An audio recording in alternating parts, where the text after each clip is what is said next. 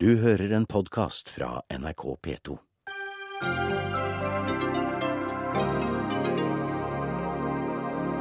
Det er ulvekrig i Høyre. Rasende medlemmer melder seg ut i protest mot egen statsråd. Men hvis Vidar Helgesen mente Stortingets ulveforlik var umulig å gjennomføre, hvorfor ropte han det ikke ut i vår? Det blir 1% i bistand uansett hvem som styrer Norge etter valget. Men hvordan kommer vi opp i 1% Jo, bl.a. ved å definere lønna til byråkrater på Victoria terrasse som bistand. Følg med litt da, norsk miljøbevegelse sier europeisk solbransje. Det har ikke lenger noe for seg å stemple gass som klimaversting. Og privat søppeltømming i Oslo er en fiasko og bør avvikles, krever Rødt. Nå går alt meget bedre, svarer De grønnes miljøbyråd.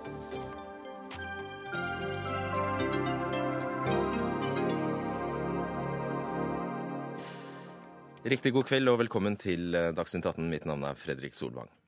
Uholdbart vedtak, arrogant oppførsel, sier Høyres førstekandidat fra Hedmark om sin egen miljøminister. En rekke Høyre-medlemmer fra hans fylke har meldt seg ut i eh, protester etter at eh, Vidar Helgesen denne uka sa nei til å felle fire ulveflokker i Hedmark. Også fra flere andre i partiet, f.eks. stortingspresident Olemic Thommessen, uttrykker det sterk misnøye med miljøministeren. Kristian Tonning Riise, førstekandidat på Hedmark Høyres stortingsliste og leder av Unge Høyre foreløpig. Hva er det som er så arrogant med Vidar Helgesen? Det er mange ting som er, eh, som er feil med den, eh, den saken her. Jeg kan begynne med å si at Det var mange av oss som var veldig i hvert fall tålelig fornøyd med ulveforliket som, som, kom i vår, og trodde at vi endelig hadde kommet inn på et eh, bedre spor, For nå belastningen skulle ned, og vi skulle få et bestandsmål for ulv som reflekterte eh, belastningen i, i hele Norge. Og så ble jo mange av oss rimelig sjokkert når, vi, når eh, det kommer en avgjørelse fra departementet, som egentlig, og rett før, eh, før, vi skal ta juleferie, som egentlig legger opp til en, en, helt motsatt utvikling. Og som, hvis denne praksisen blir lagt til grunn, vil føre til at hele ulvesona blir et uh, ulvereservat. Hvordan kunne du bli sjokkert? Vidar Helgesen uh, har jo sagt at han ga beskjed om at han mente altså da at Bernkonvensjonen og naturmangfoldsloven sto i veien for ulveforliket. Det har han gitt Stortinget beskjed om. Det har, vært, eh, det har vært, noe uklarhet rundt dette med, med, skadepotensial. men Derfor så skrev jo også næringskomiteen dette veldig, eh, veldig tydelig i sin, eh, i sin beskjed til, til ulvemeldingen. At bestandsregulering skal foretas når bestandsmålet er nådd. Helt uavhengig av om det, om det foreligger skadepotensial på, helt uavhengig av om det finnes lover. eller tamrein. Helt uavhengig av om det finnes lover. Nei, men Jo, det er jo det du sier.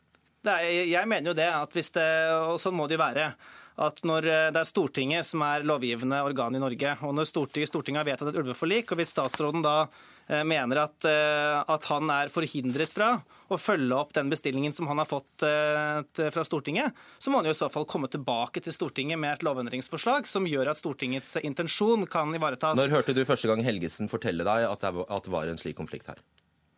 At det, vært, eh, at det, har vært, noe usikkerhet rundt det, har jo vært, eh, har jo vært eh, klart. Hvor lenge har det, vært klart? Hvor lenge? Det er jo nettopp akkurat hvor akkurat, Nei, men Var det i går, eller var det for flere måneder siden? Det husker jeg ikke, men avgjørelsen kom, jo, avgjørelsen kom jo nå på, nå på tirsdag. Og det er, jo, det er jo tålelig sent. Hadde man eh, ønsket å få til en løsning her og redde jakta, så hadde man kommet med dette mye tidligere. Og det som har vært klart og kommet frem i løpet av dagen i dag, er jo at det er jo ikke sant det Vidar Helgesen sier at de har hatt til hensikt å følge opp Stortingets vedtak, men så har Lovavdelingen kommet med en, med en vurdering som har gjort det umulig. Det som har kommet frem i dag, er jo at, eh, er jo tvert imot så har eh, departementet konkludert på forhånd og sendt eh, sin konklusjon til Lovavdelingen i Justisdepartementet og spurt eh, er dere enige. Og Det er jo noe helt annet enn å be om en full lovlighetsvurdering av hele saken. Har du tillit til eh, din egen partikollega Vidar Helgesen som miljøminister? Den er i hvert fall rimelig tynnslitt. og Hvis ikke det skjer en endring på den saken her, så kommer vi til å gå til valg neste år med et åpent distriktsopprør i Høyre. Du får nå på deg en virtuell munnkurv, Kristian Tonning Riise. Fordi de neste minuttene må du tie helt stille. Og det er fordi Vidar Helgesen, klima- og miljøminister fra Høyre, nekter å diskutere med deg. Du er med på telefon fra Sverige, Vidar Helgesen. Hvorfor vil du ikke møte Tonning Riise? Ta deg først. Eh, jeg møter Tonning Riise ofte og har ikke noe imot å møte ham. Og hvis han nå er i studio, så eh, kan vi godt ta en samtale. Ah, topp. Helt fint. Du kan ta av deg munnkurven, ja. Tonning Riise. Eh, Vidar Helgesen. La oss ta det siste som Tonning Riise adresserer her. Du sendte den 9.12. et brev til Lovavdelingen i Justisdepartementet, der du, riktig som Tonning Riise sier, spør vi, er det ikke riktig det vi mener i denne saken, nemlig at vilkårene i loven ikke er oppfylt, slik at disse ulvene ikke kan drepes? Det er halve historien. Den andre halvdelen av historien er at uh, vi fra regjeringen også sendte en faglig vurdering fra Landbruks- og matdepartementet som hadde en annen vurdering. Og Det betyr at Lovavdelingen fikk for seg ulike synspunkter, ulike faglige vurderinger. Og Det var poenget fra regjeringen. Vi vet at dette er et vanskelig tema. Vi vet at det er et kontroversielt tema. Og vi ville være helt sikre på at landets beste juridiske ekspertise som står til regjeringens disposisjon i Lovavdelingen, skulle ha ulike synspunkter til den vurderingen de gjorde. Det er helt vanlig eh, praksis at eh, departementene utreder, og så ber man Lovavdelingen om en vurdering. Men du er, er enig i at det er ingen tvil om at formuleringene, av formuleringene i dette, i dette, brevet går det klart fram at du hadde bestemt deg før du sendte, til, eh, før du sendte denne forespørselen til Lovavdelingen? Nei, på ingen måte. Fordi det er altså to innspill til Lovavdelingen. Et som argumenterer for det Lovavdelingen kom til, og et som argumenterer på en annen måte. Det dette dreier seg om, at, eh, og det som gjør at det er vanskelig, det er at Stortinget har vedtatt et bestandsmål. Men Stortinget har også vedtatt en lov. Og i loven så kreves det at for at vi skal kunne tillate felling, så må det være et skadepotensial. Og jeg har fanget opp i debatten at de fleste faktisk er enig i at i ulvesonen så er det ikke videre skadepotensial. Og det er fordi der er det ikke dyr på sauer på utmarksbeite. Og Det er fordi man har en sonepolitikk som ligger til grunn for eh, rovdyrpolitikken i Norge. Og når det ikke er skadepotensial, så gir ikke loven hjemmel. Og det er det Lovavdelingen eh, konkluderte. Når oppdaget du det, og når ga du beskjed til Stortinget om at hei dere, her har dere vedtatt et ulveforlik som er i strid med loven. Når ga du Stortinget beskjed om det? For det første, Da vi la frem en, en ulvemelding i vår, så var regjeringen klar på i den meldingen at denne type situasjon kunne oppstå. Eh, fordi bestandsmålet er én sak og er viktig, og loven er en annen sak og er viktig. Og begge er gitt av Stortinget. I tillegg er det sånn at eh, loven eh, reflekterer en internasjonal forpliktelse. Vi er forpliktet til å etterleve Bernkonvensjonen. Ja, Men du er satt der for å utøve Stortingets vilje, så jeg bare spør, kan du ikke prøve det, det er også Stortingets vilje at Norge skal være tilsluttet det. Og Det bekreftet eh, Stortinget i behandlingen av ulvemeldingen. Når ga du Stortinget beskjed om at du så at det var en sånn konflikt? Det vi ga beskjed om i vår, var at vi eh, ikke kunne utelukke at denne type situasjon ville oppstå. Og så er det sånn at Loven anvendes i det konkrete tilfellet. Når jeg er ankeinstans som statsråd, så kan ikke jeg drive og synse og mene noe i forkant om dette. og Derfor har jeg vært veldig forsiktig med å kommentere denne saken offentlig før vedtaket blir fattet. Og Det er sånn reglene er. Når man er klageinstans, så skal man ikke synse og mene på forhånd. Da må man få lov til å la den faglige prosessen gå sin gang. Miljødirektoratet kommer med sitt naturfaglige innspill. Og yes. Lovavdelingen kom med sin juridiske vurdering. Tonning Riise, dette er jo vesentlig fordi vi også må prøve å finne ut om du er planlagt sjokkert eller reelt sjokkert? Nei, Jeg er reelt sjokkert. og det er, det er, to forhold med dette som er ganske håpløst uh, når Helgesen viser til manglende skadepotensial. For det første så ble det i, eh, i sommer uh, drept ca. 560 sau i Rendalen av ulv, som bl.a. holder til i sona. Så hvorfor det ikke gir grunnlag for å si at det er et skadepotensial, i hvert fall fra dyr i sona, Eh, på Rendalen, altså utenfor, det er utenfor sona, men det er ulv i sona som har drept dyr utenfor sona. Eh, og en av de er tilbake igjen, er nå fredet. Og Når man viser til at det ikke fins eh, skadepotensial på dyr i sona, så tror jeg ikke at Idar Helgesen helt skjønner hvor arrogant det oppfattes av mange av de som bor i sona og er belastet. Her har man altså her har ulv fortrengt all beitenæring inne i sona, og nå brukes altså det som argument at det ikke lenger eh, er beitedyr, og at det derfor ikke er tilstrekkelig skadepotensial for å felle. Hvis det skal være retningsgivende for eh, politikken, så betyr jo det egentlig at man ikke kan felle dyr i sona i det hele tatt, helt uavhengig av hvor langt over bestandsmålet man ligger. Og da har man jo i praksis eh, gjort ulvesona til et ulvereservat. Og å legge opp til en slik praksis helt uten å ha det oppe i Stortinget. Og rett etter at Stortinget vedtok et forlik som innebar at belastningen skulle ned, ikke opp, det skjønner ikke jeg at det er, at det er mulig å gjøre. Ja, Helgesen? Tonning Riise nevner nå, Kristian nevner nå eh, Rendalen. Det er jo et veldig tydelig situasjon på, tydelig eksempel på at det er skadepotensial. Og det er ikke mange ukene siden eh, Statens naturoppsyn der fikk i oppdrag å eh, felle ulv. De felte to ulv. De brukte til og med helikopter for å komme raskt til stedet. Og Det er en viktig del av dette. Når det er skadepotensial, så er det veldig viktig at vi er raskt ute. For Vi har i ulvepolitikken to mål. Det ene er en forpliktelse til at vi skal ha ulv i Norge. Den andre er at vi skal også ha en levende beitenæring. Det er greit, men bare kan du ikke forholde deg til men, men, mener du Helgesen, at vi skal kunne gjøre uttak, uttak i sona? Og Hvordan skal vi i så fall kunne, kunne begrunne det, når det ikke er beitedyr lenger inne i ulvesona? Det at det ikke er beitedyr i ulvesona, det er jo et resultat av en politikk som alle norske eh, partier som har sittet i regjering, har vært enige om. Som senest Stortinget i vår bekreftet, at vi skal ha en ulvesone. Og der skal rovdyrene ha forkjørsrett. Og eh, hvis man ønsker å endre på det, da dreier ikke det seg om dette klagevedtaket.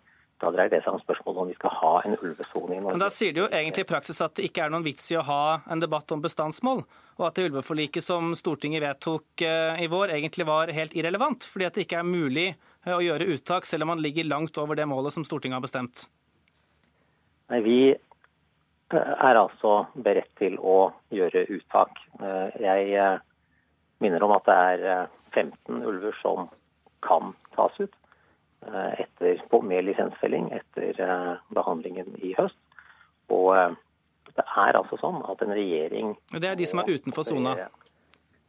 En regjering må operere innenfor rammen av loven. Da er det en vurdering av skadepotensialet som må gjøres. Hva regnes som skade i det tilfellet her, da? Unnskyld? Hva regnes som skade? Det er altså potensialet ulven har til å gjøre skade. Der er det faglige vurderinger av uh, hvilket ulven har. Og det er naturlig at når ulven ikke er i nærheten av sau, da er det heller ikke stort skadepotensial. Og det er i grunnen hele dilemmaet her. Ja, Da har du lagd et reservat, da. da. Er det riktig som Tonning Rises, da har du lagd et reservat? Jeg har ikke lagd et reservat. Det har vel lenge vært en enighet om å ha en ulvesone. Det kan vi godt diskutere. Senest diskuterte det Stortinget det i vår, og det var uh, ikke noe uh, stort tema, fordi det var bred enighet om å videreføre praksisen med en ulvesone. Men Det det også har vært bred enighet om, er at vi skal ha et bestandsmål, og at Stortinget har vedtatt hva den totale belastningen av eh, ulv skal være. Og, det, og det er jo ingen annen måte å forstå det Helgesen nå sier på, enn at vi ikke har eh, grunnlag Eh, for å ta ut eh, ulv inne i sona i dag, og at den i teorien kan vokse eh, så mye den vil, uten at, uten at politikerne egentlig har noe handlingsrom. Da er vi jo nødt for å få et helt få et nytt eh, lovgrunnlag. Da er, eh, da er Helgesen etter mitt syn nødt til å levere et lovendringsforslag ja, men, til Stortinget som gjør det mulig å faktisk ja, håndheve den intensjonen som Stortinget har vedtatt. Så nedsnødd har ikke stortingsflertallet heller lov til å være at hvis man er i ferd med å inngå et, et eh, ulveforlik som klart bryter med Bernkonvensjonen, eller klart bryter med, med naturmangfoldsloven, så har man lov til å overse det. Det er jo ikke altså, At det klart bryter med, at det klart bryter med Bernkonvensjonen, det, det, har jeg problemer med å se. Bernkonvensjonen er ingen, er ingen lovtekst. Bernkonvensjonen er en internasjonal avtale som forsøker å, å veie mange forskjellige hensyn. og Det er også rikelig rom for, for unntak dersom, dersom, skadene blir for store. Så her er det et betydelig politisk skjønn. Men det er et politisk skjønn som ikke jeg oppfatter at, at departementet er spesielt villige til å gå inn i. Du har innkalt til et møte, Vidar Helgesen. Hva er det? Jo, rett og slett fordi dette er en krevende situasjon, hvor vi som sagt har et bestandsmål fastsatt av Stortinget og en lov vedtatt av Stortinget. Um, og det er det som gjør at vi er i denne situasjonen. Så ønsker jeg å invitere forlikspartiene til en nærmere diskusjon om hva vi skal gjøre med dette.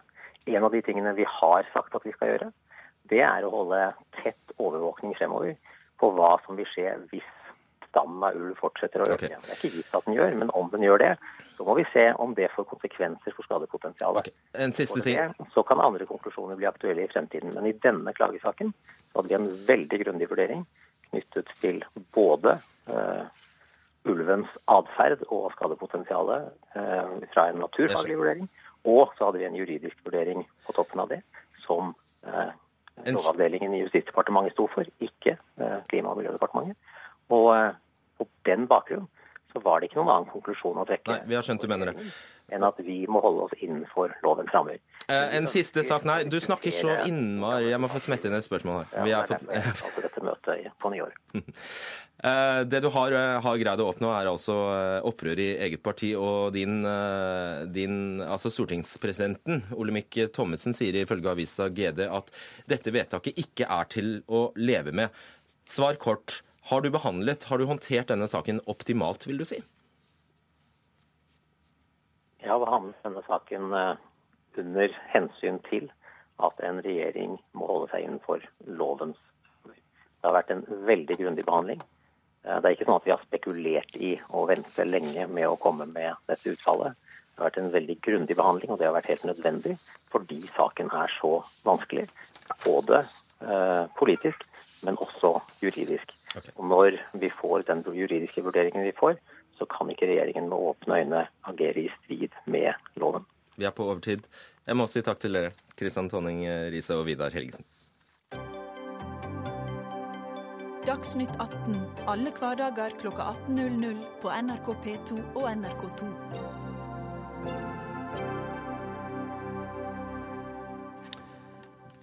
Uansett hvem som vinner valget neste år, blir det 1 til bistand, jubler KrF-leder Knut Arild Hareide i Vårt Land i dag.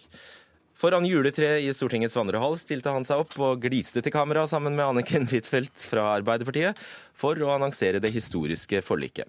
For nå er det kun et rent flertall av Høyre og Frp som kan forpurre bistandslykken på Stortinget. Hilde Frafjord Jonsson, generalsekretær i Kristelig Folkeparti. Dere har eh, faktisk fått dette tilbudet før om et forlik, men eh, for å sikre denne 1 Og da har dere takket nei, så så viktig er det ikke. Vi har jo sikret 1% hver eneste gang vi har forhandlet om budsjettet. Mm, Du har brukt masse politisk kapital på det. Det har vi, så, så det er ingen tvil om hvor forpliktelsene våre står. Eh, Så det at vi nå har fått dette formelt på plass også, er vi selvfølgelig glad for. Eh, Og det er ikke unaturlig eh, når vi er i de siste månedene før et valg. Anniken Huitfeldt, leder i Stortingets utenriks- og forsvarskomité for Arbeiderpartiet. Hvorfor var det behov for eh, dette forliket, som Jonsson eh, påpeker? KrF og Venstre har hvert eneste budsjettår eh, de siste fire årene greid å jekke opp denne prosenten til igjen. Over igjen.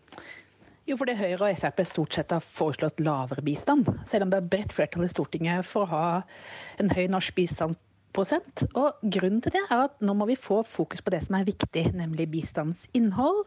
Det skal gå til de som er sårbare, de som er aller mest fattige. Og da er det unødvendig å bruke hvert eneste år til å kjempe for noe som det er bredt flertall om på Stortinget, nemlig 1% av bruttonasjonalinntekt til bistand. Kristian Tybring-Gjedde, andre nestleder i Stortingets utenriks- og forsvarskomité for Fremskrittspartiet.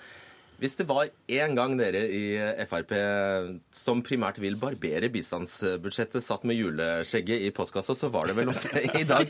Dere har nå ingenting dere skulle ha sagt.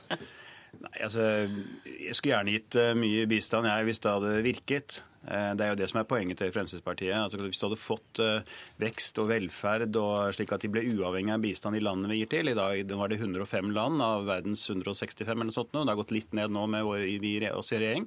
Men jeg må si at når du ikke klarer å måle effekten, dvs. Si at det eneste måten å måle på er å se if du blir uavhengig av bistand på sikt. Og når ingen land blir uavhengig av bistand på sikt, så sier det seg selv at det ikke virker. Hvis du ønsker å gjøre noe med bistand, så må du få ned befolkningsveksten først og fremst, for den er helt enorm. Og hvis du ikke klarer det, så klarer du heller ikke å få eh, land uavhengig av Bare så var veldig kort på den eh, utfordringen jeg ga deg. Dere er jo finta helt ut. Nei, jeg, jeg sikkert, det. er ikke sånn at Fremskrittspartiet er mot bistand. Vi vil at vi kan gå til 2 i bistand, ja, hvis det virker. Poenget er at når bistanden virker, så får man eh, land som kan handle med andre land. Og når land kan handle med andre land, altså over alle landegrensene, da vil de også bli uavhengig av bistand. Og jeg må si, Hvis du ikke har et skattesystem eller privat eiendomsrett i de landene vi gir bistand til, så kommer det aldri til å fungere. De kommer til å bli langt flere, og vi kommer aldri til å fungere uavhengig av bistand. Da virker det ikke, dessverre. Svar veldig kort, skal vi gå over på Ja, Her snakker jo Tybring-Gjedde mot bedre vitende. Eh, vi har jo et helt eh, tonn av rapporter som dokumenterer hvordan bistand virker, og jeg kan gi tre kjappe tall. Det ene er halvering av barnedødeligheten. Det har skjedd ved hjelp av bistanden fra 2000 til 2015.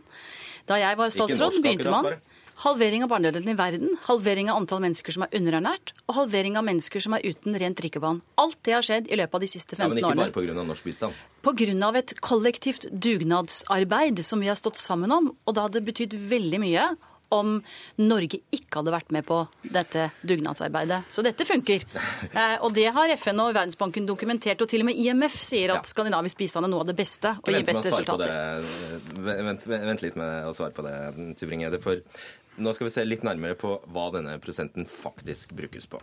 I budsjettforhandlingene i år satt regjeringen med et eh, i overskudd på 1,8 milliarder kroner, fordi det kom jo så mange færre asylsøkere enn ventet. 800 millioner av disse ble ført tilbake til bistandsbudsjettet. men de gikk egentlig bare til å betale tomme asylmottaksplasser og andre asylkostnader i Norge.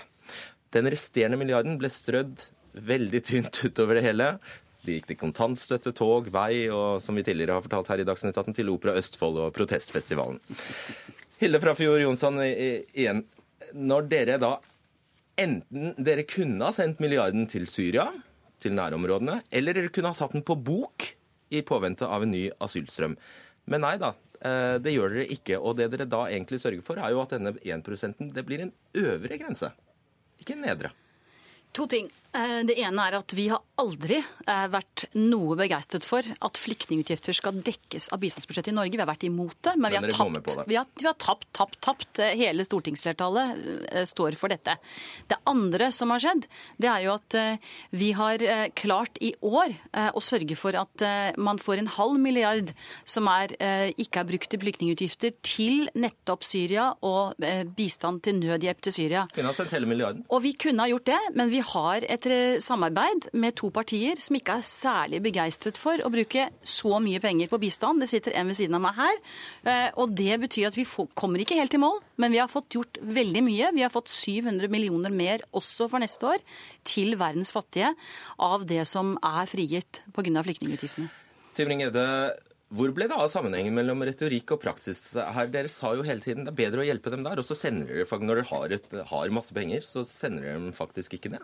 Rafael Johnsen skyver de fattige foran seg. Det er klassisk KrF-argument. Selvfølgelig vil mange flere overleve hvis du putter mat i munnen på dem og redder dem fra spedbarndødelighet.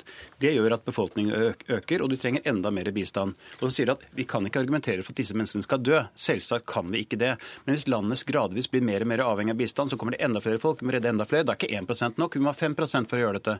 Poenget er at landet må klare seg selv. Og det at de bruker noe av budsjettet på andre tiltak, er fordi at det er tillatt å gjøre det, og derfor gjør vi det og det er fornuftig, for ellers så vil jo de menneskene fått der nede, for da må vi hjelpe dem der nede. De har bare passert en landegrense, så vi gjør det altså her. Ok, Anniken eh, Huitfeldt, ville du ha brukt denne milliarden annerledes? Ja, Vi brukte noe av det på bistand, bl.a. øke noe på Afrika, noe til eh, kampen mot avskoging. Men en del av disse pengene brukte vi også. Og det som ikke var godkjent til å bruke over bistandsbudsjett, det brukte vi til jernbane, og vi brukte en del på skole. Så vi brukte begge deler eh, Så det var ikke snakk om for Arbeiderpartiets del heller men, å sende alle pengene argument, til Men det argumentet som Tybring-Gjedde bruker her, eh, det er fullstendig feil. Altså, Jo mer mat man får i fattige land, jo flere barn blir det. Eh, slik er det ikke. Tvert imot så er det sånn at Norge de siste årene har vært med på å vaksinere alle verdens barn.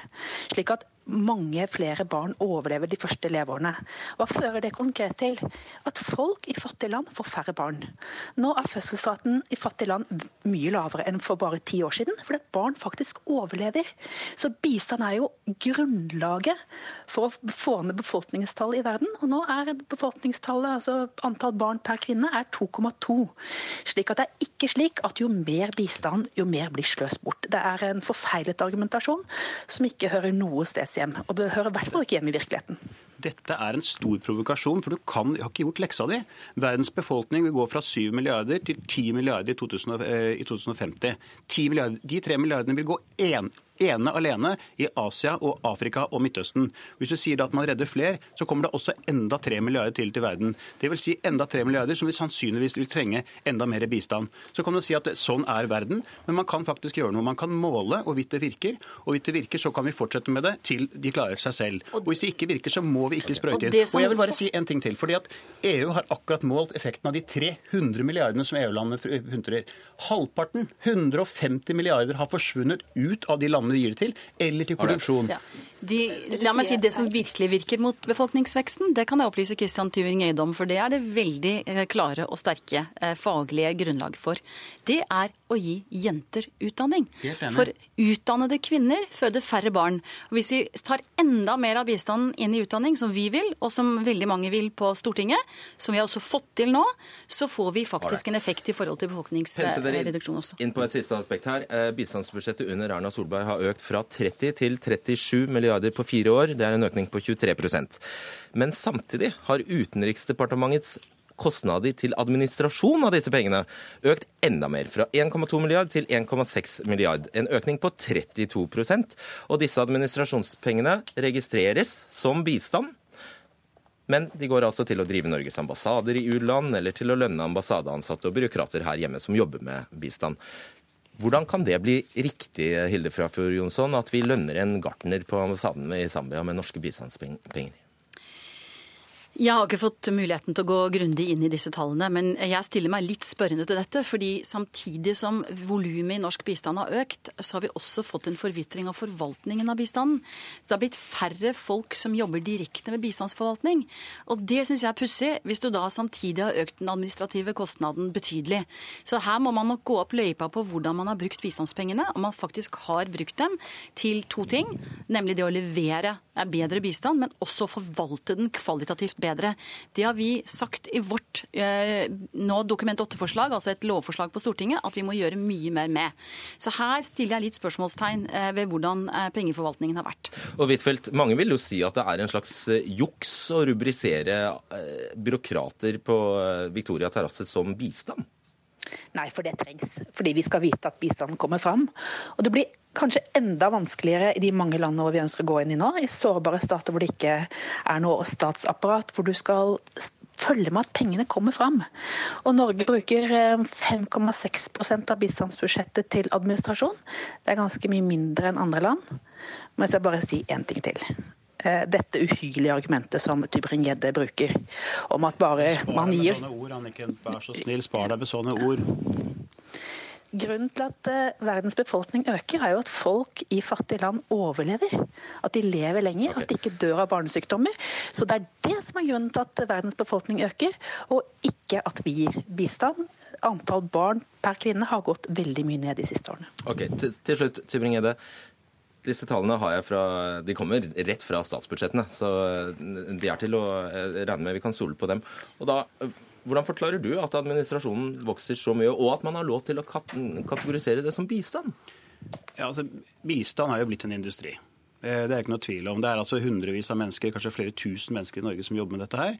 Hver gang vi har en bistandshøring, så dukker det opp titalls. Sist gang var det 31 organisasjoner som dukket opp, som alle mente at de fikk altfor lite. I, I, motsetning til de andre så spurte jeg et spørsmål til en av de som leder en mindre bistandsorganisasjon, om hva han hadde i lønn. Og Da fikk jeg høre at det var styret som fastsatte lønnen hans. Så spurte jeg, Det var ikke det jeg spurte om, jeg spurte hva hadde du i lønn. Og Han hadde 975 000 i lønn når han ledet en liten eh, bistandsorganisasjon.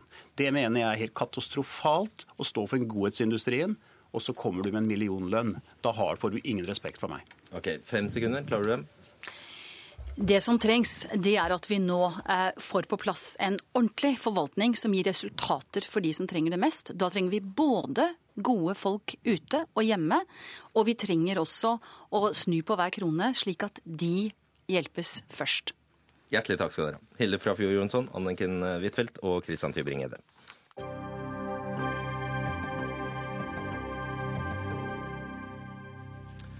I forrige uke nådde fornybar energiproduksjon en milepæl. Solenergi ble erklært billigere enn alle andre former for energi i 58 lavinntektsland, inkludert Kina, India og Brasil, av nyhets- og analysebyrået Bloomberg. Likevel mener bransjeorganisasjonen Norsk olje og gass at naturgass har en viktig rolle i framtidens eh, europeiske energimarked, og får støtte faktisk av en europeisk bransjeorganisasjon for nettopp solkraftprodusenter. Oliver Schäfer, eh, pres president i interesseorganisasjonen Solar Power Europe.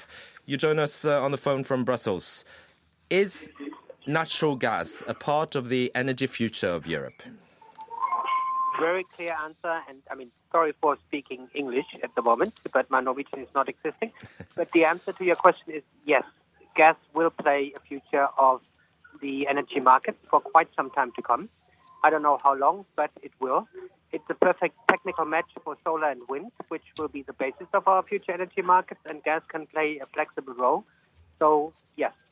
So, there is no conflict between uh, solar energy, say, renewables, and natural gas in your mind? I would love to say that I can make the world as I wish it to be tomorrow and that would be 100% renewable energy, but it is not pragmatic, it's not a fact, it's not going to happen. So we will need quite a technology that is existing at the moment before we enter 100% renewable energy life. And gas is much better than the alternative, which would be coal. The big problem, the big challenge we have, the big enemy we have in terms of climate, in terms of sustainability, is coal and not gas. So if we can replace coal with a mix of solar, wind, and gas, that would be a perfect match. So, is it then helpful or counterproductive to hallmark uh, gas, natural gas, as fossil energy? I wouldn't call gas or natural gas a fossil energy. Fossil is really something that is dying out, and this is coal and nuclear. We cannot afford it from a sustainability perspective or from an economic perspective. So the dying out sources, coal and nuclear, are fossil fuels gas is some bridging technology between renewables and and fossil fuels, and that's what we need at the moment. As said, if I could make the world as I wish it to be tomorrow, it might look different. But I have to be pragmatic, and if I am, then I must say I better replace coal with parts, at least, of gas than just continuing in the way we have done the last hundred years. All right, thanks very much. Oliver Schäfer, president i interesseorganisasjonen Solar Power Europe. Thank you very much. Ja, jeg eh, skal bare raskt prøve meg på en uh, veldig kjapp uh, oppsummering av det Schäfer sa. Han sa altså at de anser gass som en slags broteknologi, altså over fra, fra fossil til fornybar energi. Han ser ingen konflikt mellom de to. Og han mener man må, må være pragmatiske i, i, dette spørsmålet. Uh, ja, Marius Holm, leder i Miljøstiftelsen Zero. Har han et poeng? At vi skal være pragmatiske, er jeg enig i. Har han rett? Og han har også rett i at gass kommer til å bli brukt i ganske mange år til. Det som er utfordrende for eh, Norge, og som er det diskusjonen i Norge handler om, er jo at eh, gassforbruket må kraftig ned. Eh, og da vil, når etterspørselen går ned, så vil også lønnsomheten i de mest krevende gassfeltene være dårligere. Og Det betyr jo at summen av ulike ting som endrer seg her, betyr at det å åpne nye, krevende gassfelt i Barentshavet f.eks. neppe er særlig god butikk. Så du argumenterer økonomisk? Ja, altså Miljømessig så vet vi hvor vi skal. Eh, vi hørte eh, Solar Europe her. altså Han er flink til å selge solcellepaneler, men eh, klimamålene til EU gjør at gass må være borte innen 2050. Og jeg tror Det som er interessant med gassens rolle i kraftmarkedet, er jo at den kan bli ganske viktig. Det kan bli bygd ganske mange gasskraftverk. Men de vil produsere veldig lite strøm, for de produserer noen få timer i året når det er eh, behov. Så de blir en slags eh, tilkallingsvikar, som dere i NRK og nyhetsredaksjoner kjenner til. Mm. Det er ikke spesielt godt betalt. Det, ikke, det gir ikke et fullt årsverk. Det. Men, men, det er viktig å ha den der. ja, den kunne vi fortsatt i det uendelige. Karl Eirik Skjøtt Pedersen, administrerende direktør i Norsk olje og gass. Ja, jeg regner med du bare du, du tok bølgen inni deg? Jeg syns det er veldig interessant det som sies. For det er jo dessverre slik at debatten her hjemme i Norge er blitt veldig polarisert. Så det framstilles som at det er helt svart-hvitt. Enten er det fornybart, eller så er det gass. Men det som er interessant, er at den fremste representanten for fornybarindustrien i Europa gir altså her uttrykk for at det, det er ikke slik. I Europa så ser man fornybar energi og gass som to sider av samme sak. Og det skyldes jo to ting. Det ene er at den store utfordringa for klimaet det er at vi får få ned bruken av kull. For hver eneste enhet kull som blir bytta ut med gass fra Norge, så halverer vi utslippene av klimagasser. Samtidig sa han vel at fossil er fossil? U nei, han, han understreker at han definerte ikke gass på samme måte som kull som et fossilt energi. Og det, faktisk, og det, var faktisk, et viktig tema når han var her i Norge. Men det andre, i tillegg til det at det er viktig at man får skifta ut og, og fjerna uh, kull, det er jo at gass er en forutsetning for at man skal kunne bygge ut fornybar energi. Pga. at når sola ikke skinner og vinden ikke blåser, så er fornybar energi helt avhengig av at de har noen som kan levere gassen. Og da er jo det interessante at norsk miljøbevegelse, bl.a. med Zero, de mener at de har de perfekte svarene. Men de som står midt oppi det, den fremste representanten for fornybarindustrien i Europa, har altså en, et helt annet syn og sier at det er helt urealistisk, det som debatten i Norge går ut på. Jeg vil ta tak i, altså Du sier at det ikke er plass til gass i 2050 eh, i Nei, Da skal energisektoren i EU være utslippsfri. Ja. Eh, og da vil jo eventuell gass måtte ha CO2-rensing. Mm. Det er nokså dyrt og vil ikke ha noe stort omfang. Men 25, dette er EUs eh, e egne prognoser. 25% av energien i 2050 anslår EU kommer fra naturgass. Ja, Det er hvis de ikke når klimamålene sine. Men du må se på EUs roadmap for hvor de skal være. Hvor det er et mål for EU å være i 2050. At vi holder oss innenfor Paris-målene. Og da må, gass, da må, energisektoren være utslippsfri, fordi EUs totale utslipp skal reduseres med 80-90 og det er noen industrisektorer som er vanskelig å få helt utslippsfrie, og derfor så må energisektoren være helt utslippsfri. Og, jeg, og, og Det er jo uh, litt snodig, hvis man har hørt på denne debatten hittil, så sier altså Schjøtt-Pedersen at uh, vi i miljøbevegelsen ser dette i svart-hvitt. Rett etter at jeg sa at gass kommer til å spille en viktig rolle som reservekapasitet i kraftmarkedet. Den som derimot har vært ganske svart-hvitt, det er norsk oljeindustri, som har drevet lobby i Brussel, i Berlin og i London London i årevis mot at det skal bygges fornybar energi. Det er jo hyggelig at eh, Skjøtt Pedersen nå kommer etter og sier at gassen kan spille en fin rolle sammen med fornybar ja, energi. Men, Peder, men, regjeringen som Skjøtt Pedersen satt i, og organisasjonen mm. han nå leder, har drevet et aktivt lobbyarbeid for at EU ikke skal ha noen fornybarmål for 2030, kun et eh, kvotemål som ville tjent gass framfor fornybar. Har du det? Har du virkelig? Dette er en helt fullstendig feil framstilling. Vi er veldig tydelige. Du benekter at du har gjort det? Jeg, jeg, jeg har aldri gjort det. Nei, aldri noen gang. Så du var for at EU skulle ha egne mål på fornybar? Jeg er for at vi skal bygge ut så mye fornybar energi som overhodet mulig. Med egne mål for det i EU? Ja, man kan diskutere om man skal ha mål for det eller ikke. Det som er viktig, det som er, det som er viktig for oss, er at vi ønsker punkt én å nå de målene som ble eh, trukket opp i Paris. Punkt to norsk olje og gass er helt tydelig. Vi ønsker at vi skal bygge ut så mye fornybar energi som overhodet mulig, og vi vil at oljenæringa skal bidra til det. Også hvis det går på Men, bekostning av de interessene du har? Vi tror at, at, fornybar energi kommer til å øke. Vi tror at olje kommer til å gå ned. Det, slik kommer det til å være. Ja, men da var det, vel ikke noe problem med å feste, feste, egne mål for fornybar energi i EU? Men det som er det, det store og sentrale poenget, det er at selv om det legges opp til en voldsom vekst i fornybar energi, så punkt én så er det ikke realistisk å se for seg at fornybar energi i 2040 og 2050 klarer å dekke det energibehovet som verden vil ha. Og punkt to, vi må ta inn over oss den realiteten at, verden, at Europa og verden kan ikke klare seg med gass med, unnskyld, med, med, med vind og med solkraft når sola ikke skinner og vinden ikke blåser. Bare svar raskt på den litt, noe vesentlige innvendingen eh, Holm kommer med da. Da går det til helvete, sier han. Altså, da, da, klarer ikke EU sine klimamål.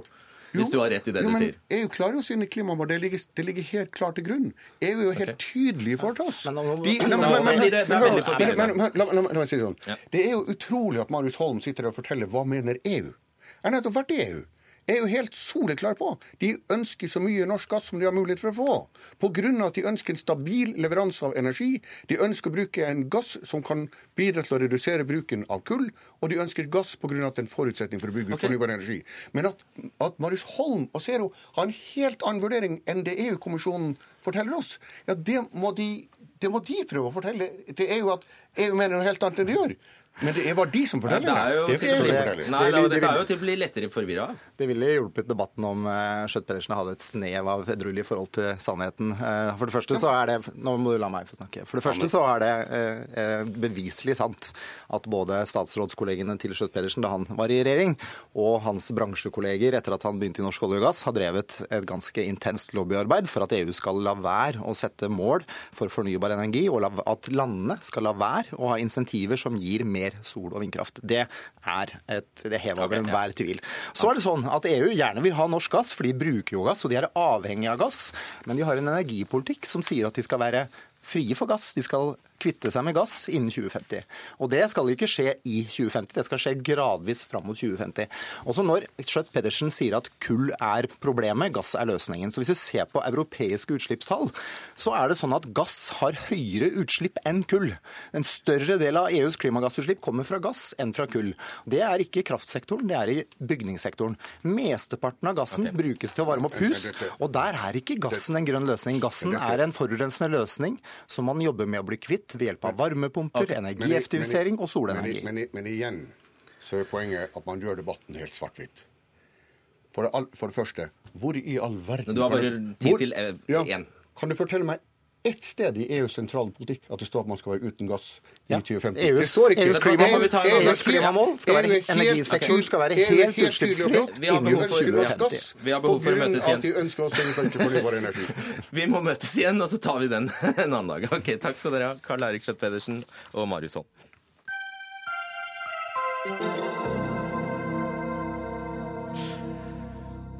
Det er strenge regler for hvem som kan gi blod, og fram til nå har ikke menn som har sex med menn, kunnet gi blod til blodbanken. Men nå opphever Helsedirektoratet det forbudet og tillater denne gruppa å gi blod. Så sant det har gått tolv måneder siden sist de hadde sex med en mann. Johan Torgersen, du er divisjonsdirektør spesialisthelsetjenesten for spesialisthelsetjenesten ved helse i Helsedirektoratet. Aller først, hva, hva, er grunnen til at menn som har sex med menn, eh, ikke kan gi blod i utgangspunktet? I utgangspunktet er det fordi det er eh, en høyere risiko for å kunne føre smitte videre. Eh, gruppen som sådan, nå er jeg veldig som gruppetilnærma, da, så er det slik at forekomsten er høyere enn de som, menn som ikke har sex med menn, og antall nye tilfeller er også mye høyere enn blant menn som ikke har sex med menn. Det er utgangspunktet, det, det kunnskapsbaserte utgangspunktet for regelverket. Eh, så det er forekomst, og så er det også typen sex de har? Ja, det, det er det. Og når, hva, er, hva dreier det siste seg om? Nei, altså eh, Analsex det er større risiko for å eh, smitte, både overføre smitte og motta smitte ved analsex enn vaginalsex. Eh, og hvorfor endre reglene nå? Det er fordi at en av våre oppgaver det er å følge med på kunnskapsgrunnlag og kunnskapsutviklingen. Det har vi gjort i flere år. Vi har rigga oss sånn i Helsedirektoratet at vi har et eget kvalitetsråd for transfusjonstjenesten, som består av fagfolk ute fra tjenesten som, har, som jobber i blodbanker. Det er eh, spesialister på blodsykdommer, immunologi og også de som bruker blod. Eh, de følger med på kunnskapsgrunnlaget, og eh, særlig eh, så har vi nå fått oppsummert erfaringene fra de landene, eller en del land som har endra dette regelverket tidligere. Og Da har vi sett at risikoen for smitte har ikke økt via, via blodoverføringer. Ja, men da må jeg spørre deg, altså Hvor stor er denne gruppa med menn som har sex med menn, men som bare ikke har hatt det på et år? Vet du hva, det, det, kan jeg ikke svare på, men det er ikke grunn til å tro at den er veldig stor. At det, dette er noe som gir en hva skal du si, kjempe, kjempetilskudd til, eh, til, eh, blodtilførselen i blodbankene. Vi får nesten håpe det. Preben Aavitsland, professor i samfunnsmedisin ved Universitetet i Oslo. Du skrev en artikkel tidligere i måneden i Aftenposten hvor du kaller dette, denne opphevingen av dette forbudet for uklok og korttenkt. Hva er det som bekymrer deg? Ja, Det som eh, gjør meg bekymra, er jo ikke eh, hiv-situasjonen som, eh, som, vi har snakka om til nå. Hiv det kjenner vi, og det kan vi teste for, så det er på en måte under kontroll. Det jeg er redd for, er at historien med hiv skal gjenta seg med framtidige nye virus som ikke vi kjenner i dag. Hvis det kommer et nytt virus blant mennesker, og det gjør det jo hele tida, Eh, og det nye viruset er seksuelt overførbart. Og hvis det har en lang inkubasjonstid, altså at det går lang tid før folk blir syke av det, men de har det i kroppen, så vil det viruset eh, bli mer eh, utbredt blant menn som har sex med menn. Det, det gjør alle seksuelt overførbare sykdommer. Og så vil det da kunne spre seg hvitt i den gruppa uten at vi vet om det. Og da lurer jeg på helt konkret, Hvordan mener du denne regelen, nye regelen da med tolv måneders uh, ja, ville slått ut? Ja, Hvis da dette viruset sprer seg blant uh, menn som har sex med menn, og vi vet ikke om det, og så holder en, en, mann da opp med sex i tolv måneder, men vi vet fremdeles ikke om dette viruset, det er enda ikke oppdaga, og så går han i blodbanken og, og kan da gi blod, og da er blodbanken forurensa. Mm. Eh, Torgersen, hvordan kan du vite at det ikke oppstår et nytt virus? Vi kan ikke vite det. Eh, altså, det er en eh, helt logisk tankerekke Aavitsland har her. Eh, eh, så det kan skje at det oppstår nye sykdommer som vi ikke klarer å oppdage. Eh, så og Vi har selvfølgelig vurdert dette, og dette har vi også vurdert i samarbeid med Folkehelseinstituttet. Og, og så risikoen øker, du sier det? Nei, det, er vanskelig å si det med at vi ikke vet hvilke sykdom vi snakker om. altså. Men litt av poenget her er jo også det at uh, den type sykdommer som Aavitsland beskriver, altså uh, som smitter, som ikke oppdager, som har lang inkubasjonstid, uh, det er ikke slik at det er kun seksuell overførbarhet og den mekanismen der som kan forårsake den type sykdommer. Det kan skje gjennom matbårne sykdommer, det kan skje gjennom myggsmitte osv. Så, videre. så hvis, når man begynner med den, eh, tar man den tanken helt ut, så er det ganske store grupper som eh, også det er naturlig å tenke på. Ja, Der har jo Aavitsland påpekt at eh, den eh, lista med unntak er jo sju, sider, sju av fire, fire sider lang mm. allerede. Ja. Mm. Så, så, hvorfor ikke litt lenger? ja, Hvorfor ikke litt lenger? Nei, ja. OK, Aavitsland. Ja, altså, det jeg vil bemerke, er jo at um, her er, som, som vi innleder med, her er det jo veldig lite å hente i form av at man får så mange flere blodgivere. Én eh, ting er jo at blodbankene de har nok blodgivere. Det er ikke noe sånn krise i blodbankene.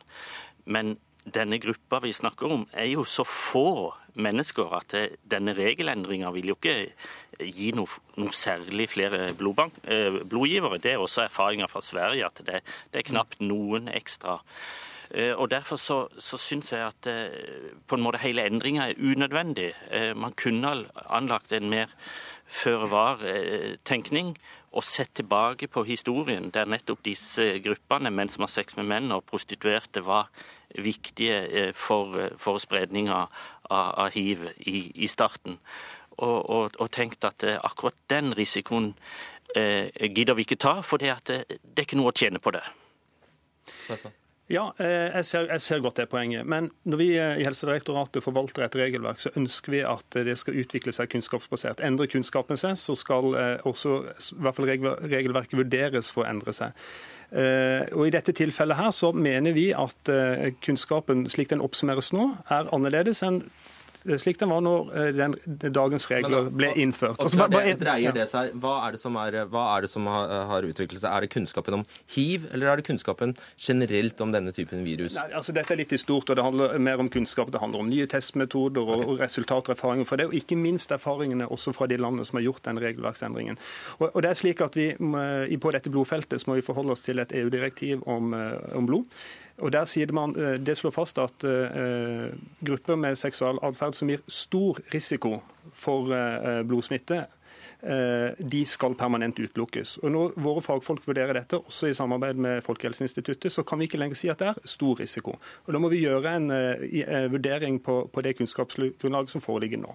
Det er bakgrunnen for endringen. Og da er det som Aavitsland er inne på at akkurat det med hiv-situasjonen her og nå og, og, smitte, det er noe annet. Og så har han dette med emerging diseases, Men, som er en faktor. I og med at vi da egentlig kanskje har konstatert at dette er en nesten teoretisk gruppe vi snakker om, så er det relevant at du, du sier Aavitsland at homofiles frigjøringskamp bør ikke føres i blodbanken. Hva mener du med det? Eh, med det mener jeg at eh, en del av bakgrunnen for, for, at denne saken stadig kommer opp, er jo at det er et, et politisk press, som også Helsedirektoratet omtaler i, i, sine dokumenter. Og dette presset kommer fra alle ungdomspartiene, bl.a. Og til og med fra Arbeiderpartiets landsmøte, som vedtar at homofile menn skal få lov til å gi blod. Eh, og, derfor, eh, og, det mener jeg er på en måte misforstått. For eh, denne regelen har aldri dreid seg om å diskriminere på usaklig grunnlag, eller for å gjøre noe galt med de homofile. Det har gått på atferd, ikke på legning. Og atferden er at menn har sex med menn. Og denne gruppa har en økende forekomst i dag i Norge av seksuelt overførbare sykdommer. Det er også en del av, av bakgrunnsbildet her. Og når dere først skulle gjøre gruppa så eh, utrert, Torgersen, at det, måtte, altså, det er snakk om menn som oppgir å ha hatt sex med menn, men kun eh, for veldig, veldig, veldig lenge siden. Hva var vitsen da? Nei, igjen, altså, Vi hadde ikke vi har ikke grunnlag for i dag, mener vi, å permanent utelukke gruppen. Eh, og så er det som Aavitsland sier, det er en økt forekomst, det er en økt eh, risiko for smitte. og Da velger man å legge inn den bufferen som en, en, en sikkerhet. Og nå blir det sånn? Nå blir det sånn. Ok. Johan Tørgersen, og alle hørte at du har advart, eh, Preben Aavitsland. Takk for det. Jørgen Johan Tørgersen, takk til deg også. Hør Dagsnytt 18 når du vil. Radio NRK Radio.nrk.no.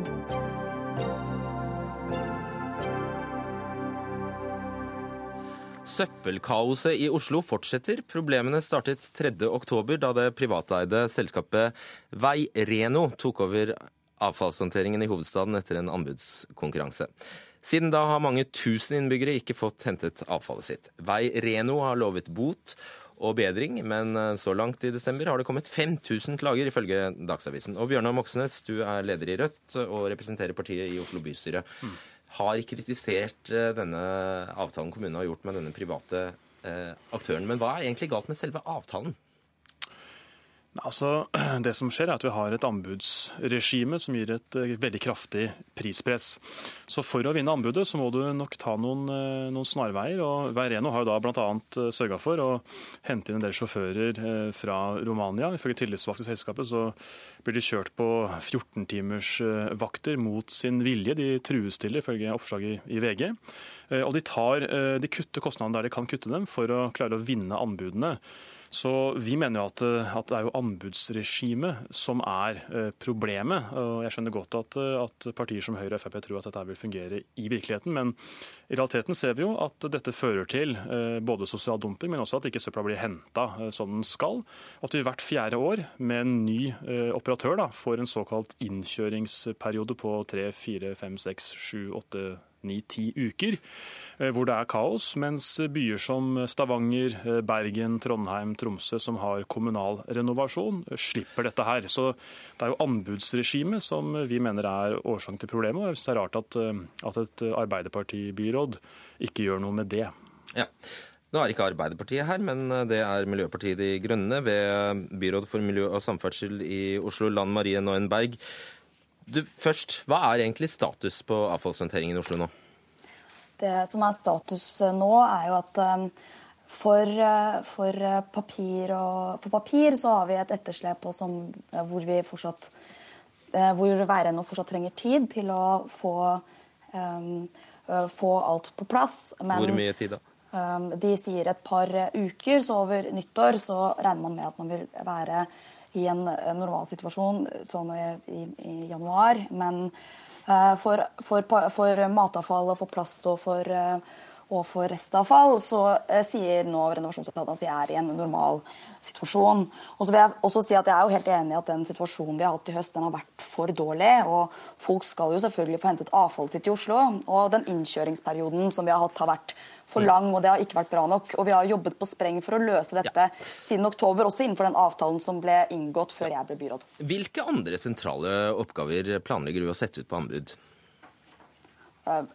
Jeg, det som vi har vært tydelige på i byrådserklæringen, er jo at vi vil redusere andelen kommersielle tilbydere i velferdstjenestebyen. Og det vi har sett i Oslo Nei, Nå svarer den, du på det stikk motsatt av det jeg spurte om. Ja, har du planer men, om å sette noe annet ut på anbud enn jeg søppel? Har, jeg, jeg, har ingen planer om det. Men samtidig så vil jeg også si at jeg ikke er prinsipielt imot at private aktører er med på å drifte tjenestetilbudet vårt. Men i Oslo kommune skal være en god bestiller og stille klare krav til bl.a. lønns- og arbeidsvilkår, og at Oslo-folk skal få de tjenestene de har behov for. Og det mener du Oslo kommune har vært i denne sammenhengen? Jeg mener at uh, den situasjonen vi har hatt i høst har vært for dårlig. og Derfor har byrådet også nå uh, bestilt en ekstern gjennomgang av hvordan den anbudsprosessen har vært fra A til Å. Som sagt så er dette et anbud som vi arvet. Avtalen ble inngått før Ja, ja Men du kunne ha av den? Det er poenget til det, Moxnes. Nå er det jo sånn at uh, Renovasjonsetaten vurderer kontinuerlig hvorvidt avtalevilkårene blir fulgt. og Det er jo en avtale vi har um, uh, fram mot 2021. og ja. Til nå så har jo Renovasjonsetaten pålagt Veireno å gjennomføre en rekke tiltak for å få kontroll på situasjonen.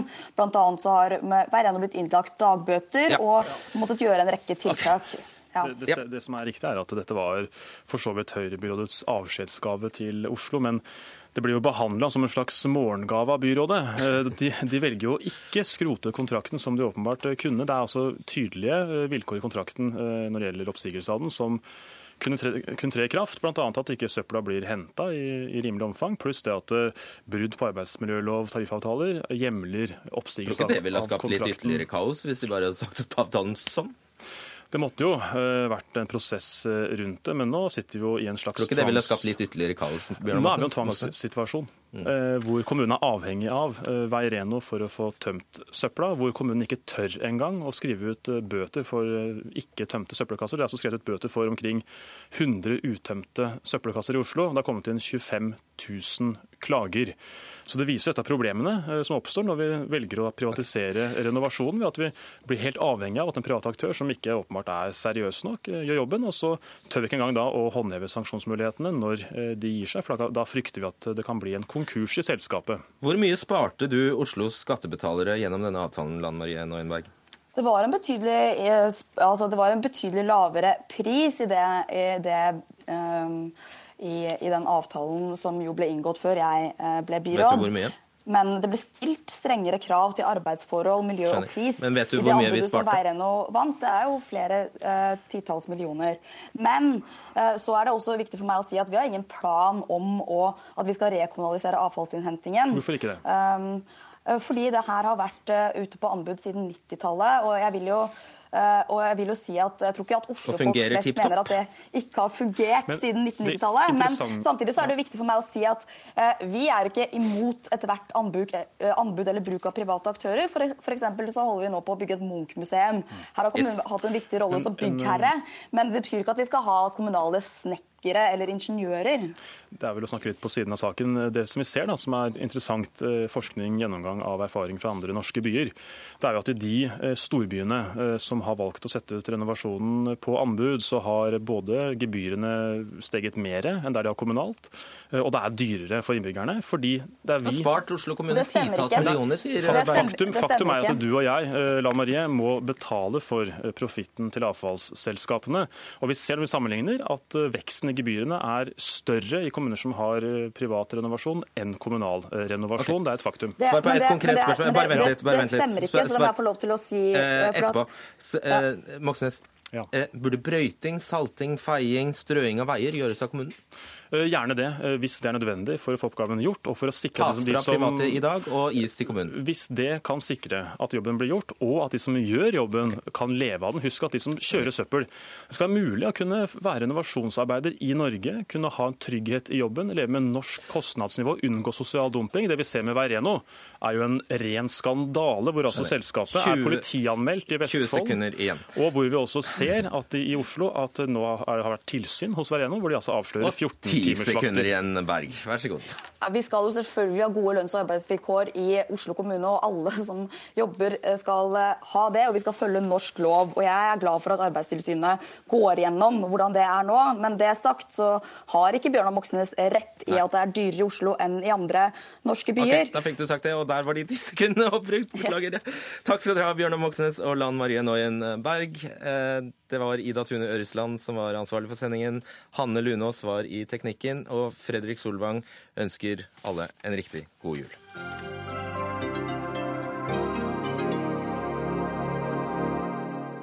Du har hørt en podkast fra NRK P2.